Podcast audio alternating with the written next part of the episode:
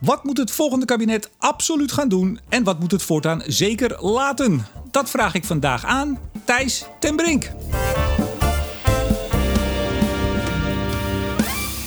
Hartelijk welkom, eh, Thijs. Bedankt. Ja, bedankt ook voor de uitnodiging. Leuk. Ja, en wij, en wij zeggen je en jij, want uh, volgens mij was het 2016 dat ik uh, een kopje koffie zat te drinken op een reddingsboei van uh, Springtij of zoiets, op het koffieterrein. En jij mij ineens aansprak, ben jij Remco de Boer? Dat zou heel goed kunnen, ja. ja. En jij, jij schreef toen voor Duurzaam Bedrijfsleven. Inderdaad. En sindsdien hebben we elkaar, ik zou bijna zeggen, op afstand gevolgd. Maar dat terzijde. nieuwe serie in de aanloop naar de verkiezingen. 17 maart 2021, mensen, zet het in de agenda. Ik praat met mensen die niet alleen verstand van zaken hebben, maar ook een mening. Nou, Thijs, uh, als veelschrijvende ingenieur met brede interesse, zo noem jij jezelf op Twitter, heb jij wel een mening, dacht ik?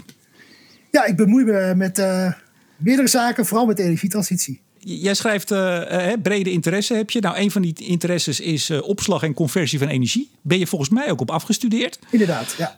Um, nou, dan hebben we het ook over waterstof. En nou, nogal vaak en ook best wel fel neem jij die waterstof-hype, want dat kunnen we toch inmiddels wel noemen, uh, vaak onder vuur. Ik vermoed dat we het daar straks misschien wel over gaan hebben. Ja, laten we dat maar doen, hè. ja, dat, dat weet ook heel veel mensen van je. Hè? Um, die kennen jou van wat is duurzaam, wat met dubbel T. Een blog noem ik het. Is dat een blog of is het een website? Ben ik helemaal mee akkoord. Ja, ik zoek er zelf ook altijd naar. Een platform, een website, een blog. Ja, maar dat is niet jouw hoofdbezigheid. Wat is dat wel? Ik uh, adviseur bouwbedrijven in aanbestedingen als uh, duurzaamheidsspecialist. Dus ik, uh... Ja, als MMV-coördinator en duurzaamheidsspecialist bij WeBoost Tenders. Wat is in hemelsnaam WeBoost Tenders? Nou, het is een adviesbureautje wat de, de, grote bouwbedrijven van Nederland, de Bams, de Heijmans, Pascalis, dat soort de grote partijen die je op de bouwplaatsen ziet, adviseren wij in aanbestedingen. Dus klussen voor provincies, voor de Rijkswaterstaat en voor uh, gemeentes. Weet iedereen wat MVI is? EMVI? Het staat voor de economisch meest verantwoorde inschrijving. Mooi hè? ja, hele mooie afkorting. Maar het gaat erom, prijs en kwaliteit moeten in balans zijn en dan, dan pak je een opdracht. Ja, en nou ben je ook nog met een paar mensen, een, een, klein clubje van het kleine clubje. Hoewel, zo klein is het ook niet. Maar zitten jullie ook nog in We Boost Transitions? Wat is dat dan? Ja, toen ik uh, eh, 2017 begon bij WeBoost, toen uh, was duurzaamheid net een beetje de opkomst in de bouw. Of tenminste, het begon uh, langzaam ook in de aanbestedingen wel echt te gaan tellen. En mede daarom ben ik bij, bij WeBoost gekomen en hebben we ook daar ons gespecialiseerd met WeBoost Transitions. Oké, en dan doen jullie hetzelfde, maar dan niet zozeer voor bouwbedrijven, maar voor misschien wel meer bedrijven? Voor meer bedrijven en ook vooral voor opdrachtgevers. Je ziet toch, als, als je inschrijft namens bouwbedrijven, dan reageer je op de aanbesteding zoals die is uitge, uitgestuurd. En uh, daar blijven wel eens kansen liggen qua duurzaamheid. Dus uh, ook uh, opdrachtgevers, de provincies, Rijkswaterstaat, adviseren wij ook dat ze daar nog wat scherper in kunnen zijn, de ambities nog wat hoger kunnen leggen. En je zei het al, vanaf 2017, of toen ben je daar gaan werken. Daarvoor anderhalf jaar bij Duurzaam Bedrijfsleven. We komen zo nog wel even op jouw studie. Maar hoe ben jij in de journalistieke larij beland, zou ik bijna zeggen? Want inmiddels ben je wel veel meer dan dat, hè? Ja, ja, ik ben begonnen eerder eh, met wat is duurzaam tijdens mijn studie. Dus uh, ik uh, studeerde Sustainable Energy Technology in Enschede. En ja, volgde al vanuit mijn studie natuurlijk ook het energiedebat.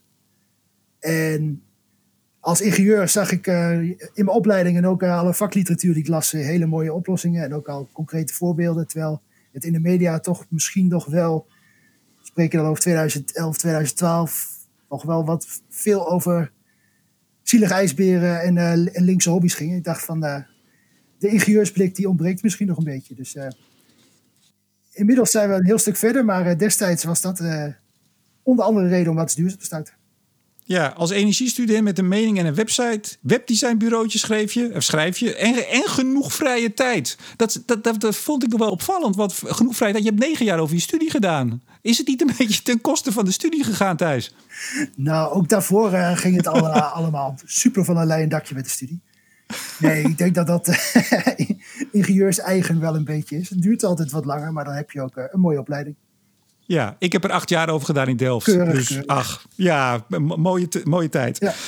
hey, nou ja, ik zei het al, hè, TU Twente, of althans dat zei je zelf al. Maar ehm, jij bent afgestudeerd op synthetisch aardgas als energiedrager voor energieautonomie. Zeg ik dat goed? Ja. ja nee, dat zeg ik niet goed. Ja, dat zeg ik wel goed. Nou, het komt daar in ieder geval goed op neer. Ja, zeker. uh, ja, bij het afstuderen dat heb ik gedaan bij Liandon tegenwoordig Kirion heet, de consultancy tak van uh, netbeheerder Alliander. En ik heb daar gekeken voor het, uh, het Waddeneiland Texel, uh, hoe die met wind en zon en biogas helemaal energie-autonoom zouden kunnen worden. Hebben ze er ook naar geluisterd? Zijn ze bezig? nou, de, de vraag oorspronkelijk was, die, die, die bij Alliander terecht kwam, was Tesla wil in 2020 energie-neutraal worden. en uh, als netbeheerder zag Alliander een uitdaging, want uh, ja, op de Wadden is windenergie minder populair en uh, misschien ook wel onverstandig. Dus ze verwachten dat dat wordt daar vooral zonne-energie. En dan moeten we wel een hele dikke kabel neerleggen om dat allemaal te kunnen uitwisselen. Dus toen kwam waterstof als een van de oplossingen om dat lokaal om te gaan zetten naar voren. Nou, en, nou, daar gaan we Oh, ja, we hebben een beetje vertraging af en toe volgens mij. Daarom zaten we even door elkaar heen. Ga door.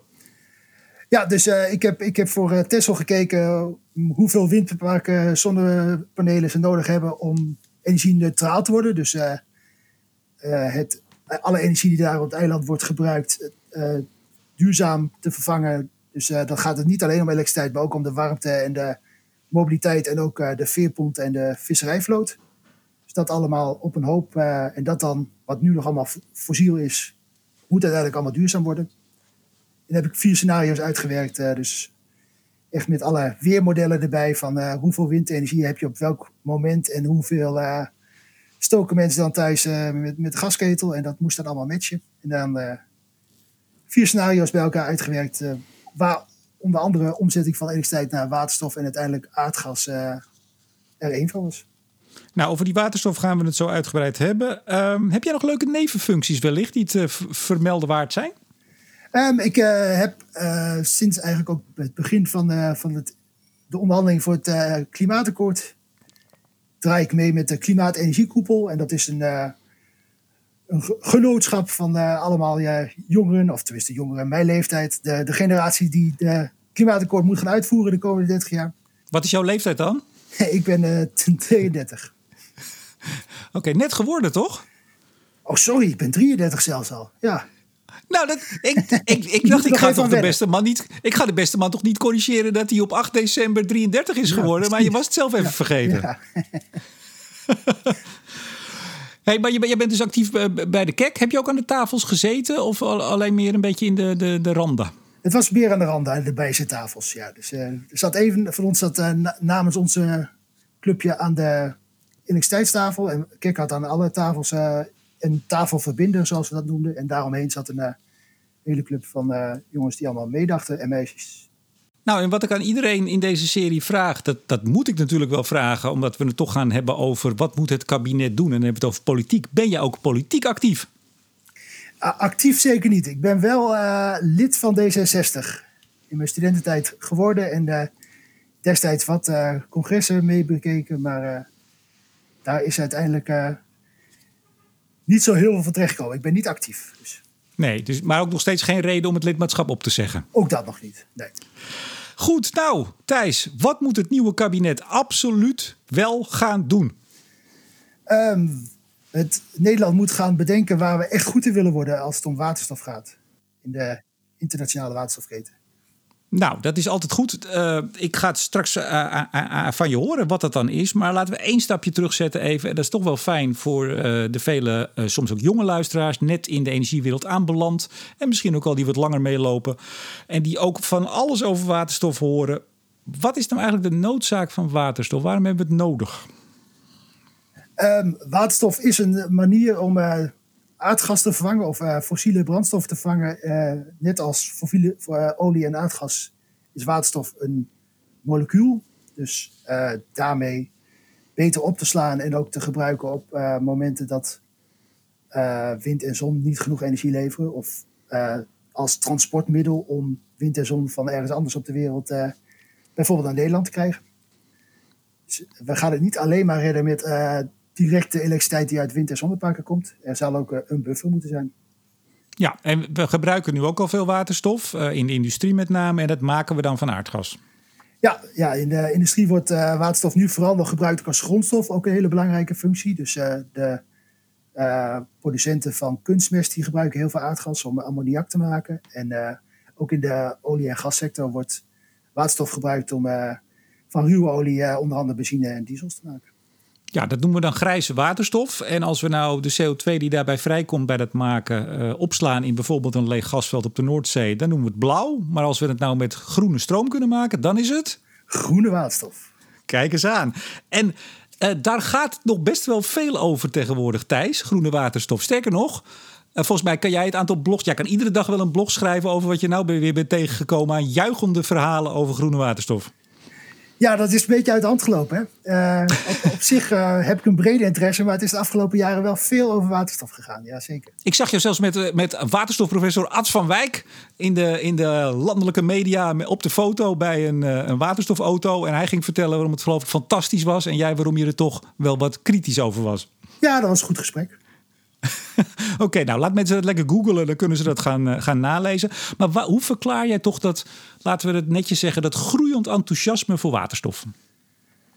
Uh, nou, voor, een deel is die noodzaak echt. Uh, dus we zijn met elkaar uh, aan het kijken hoe we rond 2050 energie-neutraal en uh, klimaatneutraal kunnen zijn. Daar heeft waterstof gewoon een belangrijke rol in. Enerzijds als, als grondstof, maar dus ook als uh, buffer voor elektriciteitsproductie. Of uh, misschien gaan we erop vliegen. En uh, ja, er zijn, er zijn heel veel toepassingen. Waterstof is eigenlijk voor alles bruikbaar. En de energietransitie is complex. Dus een oplossing die voor alles zou kunnen werken, die is dan meteen ook interessant. Maar dan zeg jij vaak, dat schrijf je ook, er zijn natuurlijk ook nadelen. Waarom horen we daar zo weinig van? Ja, dat vind ik wel lastig te, plaatsen. Want uh, waterstof, nou ja, het moet maar even ingekopt worden. Het is dus geen energiebron, maar een energiedrager. Dus je moet het uh, ofwel uit aardgas ofwel uit wind- en zonnestroom maken. En het kost dus ook energie om waterstof te maken. Bij elke omzetting van een energiebron gaat onherroepelijk energie verloren. En ja, een groot nadeel van, van waterstofproductie, als je daar uiteindelijk weer uh, elektriciteit wil maken of misschien op wil rijden of thuis je huis mee zou willen verwarmen, is dat je gewoon een veel minder energie-efficiënt uh, systeem aan het bouwen bent dan als je direct uh, de zonnestroom of windenergie kunt gaan gebruiken. Ja, want even, ik, als ik nou een leuke windpark op zee ga zetten en ik zeg nou, ik zet hem heel ver weg en het is allemaal lastig om het uh, met die elektronen te gaan slepen. Ik maak moleculen, ik zet mijn hele windpark, alles wat ik daar produceer, om in waterstof. En hier aan land maak ik op het moment dat ik het nodig heb van die waterstof weer stroom. Hoeveel van de oorspronkelijke hoeveelheid stroom die ik heb opgewekt op zee, heb ik dan uiteindelijk over op land? Ja, ongeveer 30 procent. Dus uh, je raakt... Uh ruim de helft raak je onderweg kwijt. Echt, echt meer dan de helft. Ja, maar je ziet tegenwoordig ook al eens politici in sommige verkiezingsprogramma's die uh, inderdaad net doen alsof het een bron is. Zit jij dan uh, de haar uit je hoofdje te trekken achter de laptop of niet? Nou, afhankelijk van, van wie het zegt, wel. ja, ja. het kan gebeuren natuurlijk. Uh, niet iedereen kan alles weten, maar het, het gaat wel te vaak mis. Ja, zeker. Maar je zei het al, hè, we hebben het nodig. Dus in die zin is er eigenlijk niks mis. Uh, we moeten die kant ook op. Voor sommige terreinen. We gaan het zo wel hebben over welke terreinen en welke misschien niet. Je zei net eigenlijk, ja, ik vind het moeilijk te duiden waarom we het niet over die nadelen hebben. Maar ligt dat niet heel erg voor de hand waarom we het er niet over hebben? Ja, het liefst hebben we het altijd over dingen die helemaal goed gaan natuurlijk. Dus ambities neerzetten gaat altijd heel goed in de energietransitie. En ook op waterstof zijn er hele mooie ambities. Maar wat kan er gebeuren als we die nadelen dus niet noemen? En misschien laten we er even één bij de kop pakken. Op het moment dat we van uh, dat we ons niet ons hele stroom uh, opwek vergroend hebben. Hè. We zitten nu op nou, nog geen 20 procent. We hopen in 2030 zo'n twee derde, misschien zelfs 70 procent van onze stroom uh, op dat moment uh, groen te hebben. Nog niet 100 procent. Wat nou als we de komende jaren, uh, misschien terwijl we op 20, 30, 40 procent zitten, heel veel groene waterstof gaan maken met die stroom? Wat gebeurt er dan? Um, nou, de, de, stroom die hebben we sowieso nodig. Dus we, gebruiken met elkaar gebruiken gewoon heel veel stroom elk jaar weer. Er komt nog verbruik bij van elektrische auto's, warmtepompen, misschien de industrie die ook gaat elektrificeren. Dus ook zonder die waterstofproductie komt de groene stroom die we de komende jaren hebben, die komt gewoon op. En uh, alle stroom die nog niet groen is, die komt vooral uit gascentrales. Een beetje uit kolencentrales en kerncentrales. Maar in Nederland vooral uit gascentrales. Dus als we te vroeg, dus als we voordat we heel veel groene stroom over hebben, al heel veel waterstof gaan maken uit elektriciteit, dan maken we waterstof eigenlijk indirect alsnog uit aardgas. Met dan een veel groter uh, energieverlies en ook veel meer CO2-uitstoot dan de huidige industriële productie uh, van waterstof. Ik las een column van Pieter Boot van het Planbureau voor de Leefomgeving onlangs. Uh, dat ging eigenlijk, hij, hield een soort pleidooi om in ieder geval de discussie over kernenergie to, toch weer op te starten. En hij refereerde aan scenario's van TNO, maar ook scenario, een scenario, ik dacht van, uh, van de EU, dat we zo vanaf 2030, tussen 2030 en 2050, een verdubbeling tot mogelijk zelfs een verdrievoudiging van het stroomgebruik gaan zien. Dus die 70% die we dan in 2030 hebben, ja, vervolgens gaan we weer heel veel meer verbruiken, omdat we dus veel processen gaan elektrificeren. Ja, dat tikt aardig aan. En dat is uh, voor een deel zit daar denk ik ook al wel waterstofproductie bij ingerekend. Maar uh, uh, ook de, de, de warmtetransitie en de mobiliteit, ja, dat, we kunnen voorlopig kunnen we elke groene kilowattuur kunnen we wel kwijt in Europa. Ja, maar, maar zeg jij nou ook van gewoon die, dat groene waterstof, hou daar gewoon de komende tien jaar eens even over op. Als we uh, het, het uh, emissievrij willen maken, dan, dan, dan gaan we CCS doen, gaan we het in de grond stoppen. En als we op een gegeven moment echt, echt heel veel groene stroom hebben, dan gaan we pas beginnen. Of moeten we wel nu al beginnen, voorzichtig stapjes en pas echt opschalen op het moment dat er ook inderdaad heel veel ja, over is, zoals je zei? Ja, nou, we moeten ervan uitgaan, dan moeten we ook hard aan werken dat er op een gegeven moment daadwerkelijk zoveel windparken, zonneparken staan dat we voor het huidige gebruik en de, het andere nieuwe verbruik genoeg duurzame energie hebben opgewekt. En, waarover praten we dan? Welk jaar ongeveer? Wat denk je? Ja, dat is uh, maar net hoe hard we eraan trekken. 2030 is natuurlijk nu beoogd dat we 70% opwekken. Dat zou meer kunnen zijn als we vol uh, inzetten op nog veel meer uh, wind op land, op zee en zon waar we het maar kunnen plaatsen. Maar dus even, want nogmaals, jij bent veel kritisch in je blogs over, over waterstof. En met name de waterstofhype en, en alle grote partijen die uh, voortdurend roepen waterstof, waterstof, waterstof. Wat is er dan mis mee? Of is, is er niks mis mee? Nou, dat, uh, dat je meer CO2 uitstoot als je nog niet voldoende groene stroom hebt, dat, is, dat vind ik wel echt een heel groot nadeel. En uh, daar zitten we voorlopig wel mee. Want we weten allemaal hoe lastig het is om wind- en zonprojecten, vooral op land, maar zeker ook straks op zee, hebben we ook maar beperkte ruimte. Dus als we te snel, te groot inzetten op uh, elektrolyse, op waterstofproductie, zou het maar zo kunnen zijn dat die elektrolyzers er eerder staan dan een windpark wat daar uh, wel voor zou moeten produceren, maar wat nog niet gerealiseerd is om alle handen bezwaren of tegenvallers. Maar zou je niet kunnen zeggen dat een aantal van die partijen, hebben we over, nou ja, noem het maar GasU, die, de, de, de grote multinationals, uh, wie roept er eigenlijk niet waterstof, dat die dat natuurlijk best wel weten, maar dat ze ja, beginnen uh, groot, groot inzetten, veel roepen, Europees geld deze kant op krijgen. Is het niet een, is eigenlijk een hele grote voorbereidingscampagne om uiteindelijk misschien vanaf 2030 daar eens serieus mee aan de slag te gaan? Ik denk dat dat zeker meespeelt. Ja, het is goed om op de trom te slaan als je als je hiermee aan de slag wil. En het is ook. Uh, het, het, risico is er dat, dat we te veel CO2 gaan uitstoten, juist omdat we groene waterstof willen produceren. Maar er is wel degelijk nog een hele grote ontwikkeling te maken. Dus het is ook niet verkeerd om voorzichtig alvast wat eerder te beginnen met elektrolyse. Moet alleen erkennen, denk ik, en daar, uh, daar zit vooral mijn uh, ergernis, is dat het voorlopig misschien groen heet, maar zeker niet groen is. Dus het is meer technologieontwikkeling dan klimaatbeleid eh, de, de komende jaren. Ja, nou, nou, nou lijkt het vaak dat we de focus hebben als, als land met al die grote partijen die, eh, die maar eh, leuke persberichten versturen. de grootschalige productie van groene waterstof, opschalen van electrolyzers. Is dat goed dat we daarop inzetten?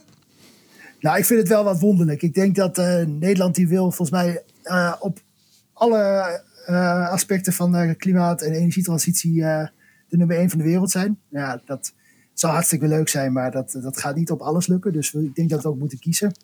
Kom op Thijs, beetje ambitie hè. Gewoon, overal. Overal, Lekker. overal. Ja, nou, uh, heel graag. Maar uh, we hebben ook gezien wat uh, van andere ambities terecht is gekomen. Dus een beetje kiezen en focussen is ook niet verkeerd. Um, ja, waar, waar, Nederland gewoon tegenaan loopt, we, we zijn niet zo heel groot. zowel op land als ook het stukje Noordzee dat we hebben, dat is, dat is niet zo groot. En om daar alleen al de elektriciteit op te wekken die we met elkaar nodig hebben. En die we nog extra gaan nodig hebben, dat is al best een zware dobber ja, um, we kunnen wel volledig inzetten op groene waterstof, maar dat houdt al best wel snel een keertje op. En uh, daarbij zijn ook, uh, als je een electrolyzer wil kopen, dan kom je niet bij een Nederlands bedrijf uit. Dus als we daarin investeren, dan, dan gaan we toch ook vooral naar Duitse of Amerikaanse, misschien Franse of Aziatische partijen.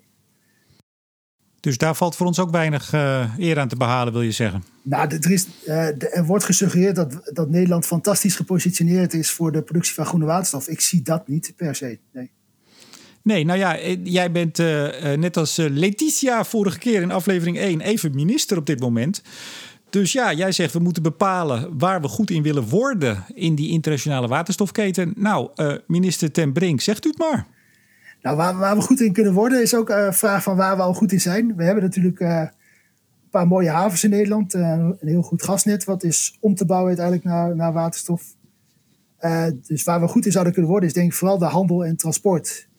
En daarnaast hebben we in de havens ook nog een, een groot aantal industriële partijen die vooral in de chemie actief zijn. Nou, ook die hebben heel veel waterstof nodig als grondstof en mogelijk ook als energiebron voor de hoge temperatuurprocessen. Ja, daar zouden we heel erg goed, kunnen, goed in kunnen worden. Daar, uh, daar hebben we misschien in ieder geval een goede uitgangspositie en ook, ook wel een kleine, kleine voorsprong. De waterstofrotonde. ja, daar waren inderdaad de oude gasrotonde. Eh, die zou de waterstofrotonde kunnen gaan worden de komende decennia. Je weet dat er heel veel kritiek altijd was op de, de gasrotonde. Hè? Dat moesten we maar niet doen. Denk je dat mensen, uh, mensen, de politiek, dat we het nu wel fijn vinden om de waterstofrotonde te worden? Nou, vooralsnog is er veel enthousiasme voor waterstof. En, uh... Smeet het ijzer als het heet is, wou je zeggen. ja, ja het, het, het, kan een keer terugslaan, zeker. hey, en um, wij hebben natuurlijk nog iets. We hebben een aantal lege gasvelden vlak voor de deur op de stoep. Kunnen we daar nog wat mee? Ja, wat mij betreft wel. Uh, dat, dat gas heeft eruit geha- is eruit gehaald rond en dat heeft geld opgeleverd. Maar uh, de komende decennia zullen ook lege gasvelden, die hebben gewoon een waarde. De, uh, CO2 opslaan, of we dat nou leuk vinden of niet, dat is onderdeel van de oplossing. En wat mij betreft ook een noodzakelijk onderdeel van de oplossing. Dus, ja, je zegt of we, of we dat nou leuk vinden of niet. maar vind jij het leuk of vind je het niet leuk? Nou, ik had het liever niet gedaan. ik denk ook dat het zonder had gekund. Maar dan hadden we uh, de ambities die we de afgelopen decennia hadden gehad waar moeten maken. Helaas uh, is dat een gepasseerd station en uh, moeten we nu ook de minder populaire oplossingen toch gebruiken om uiteindelijk het klimaat, klimaatverandering te beheersen. Dus daar hoort dan ook CCS bij. Ja. Maar dan, dan hadden we wel heel veel eerder heel veel meer moeten doen. Want ik begrijp altijd dat uh, de, de, wind, de offshore windproductie in 2030... ik geloof dat Tata Steel die al in zijn eentje kan uh, verwerken... Hè? Uh, als we gaan elektrificeren. Dus als we echt helemaal geen CCS nodig zouden hebben... hebben hoeven hebben, dat is niet goed. Maar je begrijpt wat ik bedoel? Ja, nou, als, we, als je kijkt wat er de afgelopen 20 jaar... natuurlijk ook aan extra energieverbruik wereldwijd is bijgekomen... Ja, dat hadden we ook kunnen voorkomen misschien. Maar uh, het, was, het was nu voorbij. Ja, Thijs ten Brink was toen nog niet actief. Jij was er nog niet om te vertellen hoe dat moest. Helaas, helaas. hey, dus even de kansen uh, samenvattend. Handel en transport, de waterstofrotonde, uh, industrieel gebruik... en toch ook wel, nou met een beetje tegenzin, maar toch wel doen... CCS, blauwe waterstof maken. Ja, ja en dat CCS, dat is, het is een bestaande techniek... Maar daar valt nog wel heel veel in te ontwikkelen. En uh, het is ook een technologie die echt nog een stuk goedkoper zou kunnen worden. Maar laten we dan daarop inzetten. Want ook uh, op heel veel andere plaatsen op de wereld is CCS ook mogelijk. Misschien kunnen we daar uh, ook kennis exporteren. Ja, nou je zei het al, handel en transport. Uh, iedereen is er nu, uh, is nu van de waterstof. Dus dat, daar krijg je de handen waarschijnlijk wel op elkaar. Industrieel gebruik denk ik ook wel. Want uh, ook partijen als GroenLinks die zien dat daar grote producenten staan. Grote werkgevers ook. Althans, nou, relatief. Zeker met de aanpalende werkgelegenheid. Maar ja, dan CCS. Zie jij dat echt gaan vliegen in Nederland? Als je even reëel kijkt. Ja, gewetensvraag. wat, wat, wat zien we wel vliegen in Nederland? Ja, ja, dat is een wedervraag. Ja, precies. Nee, dus, uh, nou, heel, heel weinig thuis. En ik zie, ik zie CCS, laat ik hem even dan de, de steen in de vijver gooien. Ik zie CCS niet grootschalig gaan vliegen. Ik, uh, ik ben daar ook bang voor. Ik denk dat uh, CCS een van de technologieën is die wel heel hard nodig zijn, maar nooit populair zullen gaan worden. En echt een hele grote weerstand hebben. Dus ja, misschien moet het probleem nog wel groter worden voordat we dit gaan accepteren. Ja. Of hangt, het, of hangt het op vooral de subsidie voor CCS? En vinden we op zich CCS als die grote bedrijven besluiten om uh, hun CO2 in een leeg gasveld te pompen? Nou, doe lekker je ding, maar uh, vraag daar geen geld voor. Dat is ook wel iets wat je bij GroenLinks of de, de Groenen in Europa hoort. Oké, het is nodig, liever niet, maar oké, maar zeker niet met overheidssubsidie. Nee, nou ja, dat, dat uh, daar erkend wordt dat het nodig is, is natuurlijk op zich al een mooi begin. En subsidie, dat is ook echt wel ongemakkelijk. Het zijn natuurlijk toch wel de partijen die je dan uh, subsidieert, die uh, toch ook tot nu toe onderdeel van het probleem zijn geweest. Ja, zijn we dat niet allemaal, Thijs? dat zijn we allemaal. Uh, maar ja, dus ook de, de, de, de olie- en gassector is ook zeker onderdeel van het probleem geweest. En ja, dat moeten we ook erkennen. Heeft ook wel decennia lang het probleem gebagitaliseerd. Dus inmiddels weten we, denk ik, met z'n allen al 10, 20 jaar dat we allemaal samen het probleem zijn. Maar al verder daarvoor uh, waren zij ook goed op de hoogte. Ja, ben je soms mede-eiser in de klimaatzaak tegen Shell? nee, nee uh, dat vind ik dan ja, toch ook weer een, uh, een lastige. Ik heb daar nog niet echt een mening in, in, in dat debat. Nou, jij hebt vast wel een mening als jij op het, uh, op het departement aankomt als minister op jouw eerste dag. Uh, uh, wat er zeker niet meer moet worden gedaan. Wat het nieuwe kabinet, waar jij minister in bent, absoluut moet laten. Eerste dag, jongens, hier gaan we absoluut mee kappen. Wat is dat? nou, dan blijf ik toch ook weer in de waterstofwereld. Tuurlijk. ja, natuurlijk. nou, waterstof hangt voor te veel uitdagingen nu nog echt als oplossing boven de markt. Waardoor ja, oplossingen die eigenlijk al voorhanden zijn en ook prima voldoen. Uh, en nu nog niet voldoende aan te pas komen. Dus bijvoorbeeld in de gebouwde omgeving.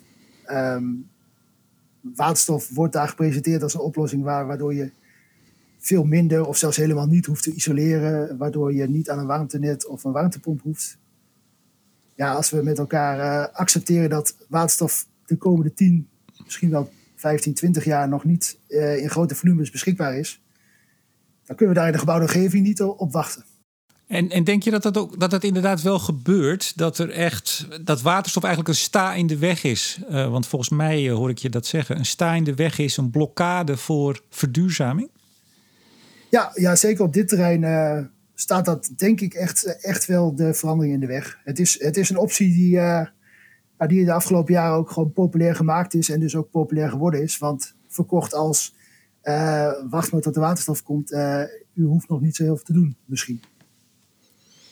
Maar is dat, zijn dat niet misschien uh, nou ja, belangenbehartigers van woningeigenaren... of misschien een enthousiaste wethouder die ergens iets over waterstof heeft gelezen... of misschien een, een, een partij in Den Haag die een beetje heeft zitten googelen die dat roept? Of, of zie jij toch wel echt serieus dat dat echt een blokkade is?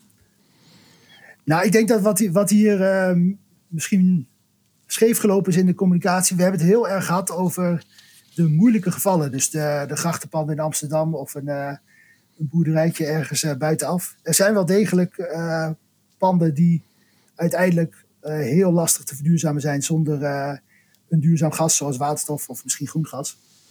Maar dat is niet de meerderheid. En ik heb wel eens het gevoel als je ook op bewonersbijeenkomsten komt of debatten over waterstof dat iedereen denkt van ik, ik ben diegene die in zo'n huis woont wat zeker waterstof uh, nodig gaat hebben. En ja, dat is, uh, dat, dat is niet voor iedereen weggelegd. Laat het uh, 5 of misschien 10 procent zijn. Of als het heel erg meevalt met de productie van waterstof, misschien nog wel meer. Maar wacht, wacht niet met verduurzamen, omdat er misschien ooit een andere, betere oplossing komt. Maar zou het niet zo kunnen zijn, wellicht, dat zoals we ook zien bij Van Gas af, dat was, in, dat was ook, ja, ik dat zijn mijn woorden hoor, een enorme hype. Zo vanaf 2016. Hè. Iedereen ging voorop in de strijd. Uh, iedereen ging, uh, althans in woord, hele wijken van het gas aftrekken. Ja, we komen daar nu toch in een veel realistischer scenario. Het blijkt allemaal toch wel veel lastiger dan uh, misschien gehoopt. Gaan we dat met waterstof misschien niet ook zien? Zit dit niet in die ik zeg het met eerbied, de schreeuwfase en, en zakt dat eigenlijk vanzelf wel weg naar normale proporties? Ja, dat, dat, dat, dat hoop ik met je mee. Ik zie het de afgelopen jaren al wel wat realistisch worden. Zeg maar, bij de eerste publicatie van het klimaatakkoord was het nog helemaal halleluja. En inmiddels komt er echt wel wat realisme in het debat. Dus dat, dat, dat, dat gaat, is, gaat zeker in fases. Maar er zijn wel heel veel mensen aangestoken met het virus nu. Je had het net over de verduurzaming van de gebouwde omgeving of van het gasafstand. Maar je hoort ook wel waterstof bij twee andere punten. Laten we eerst de eerste pakken. Uh, het, het verzwaren van het elektriciteitsnet. Nou, als we, als we lekker aan de elektrolyse gaan en we gaan waterstof maken, dan hoeven we dat elektriciteitsnet niet meer te verzwaren. Is dat zo? Nou, meestal niet. Nee, uh, de grote uitdaging voor het elektriciteitsnet uh, op de kortere termijn en waar we ook nu al tegenaan lopen, zijn de, de groei van zonneparken. Vooral in de minder dichtbevolkte delen van Nederland, waar nooit een heel zwaar elektriciteitsnet is geweest. En waar jij vandaan komt volgens mij? Ik uh, kom uit Enschede, ja. Dus uh, daar, daar gaat het ook nog niet zo heel hard met de zonneparken hoor.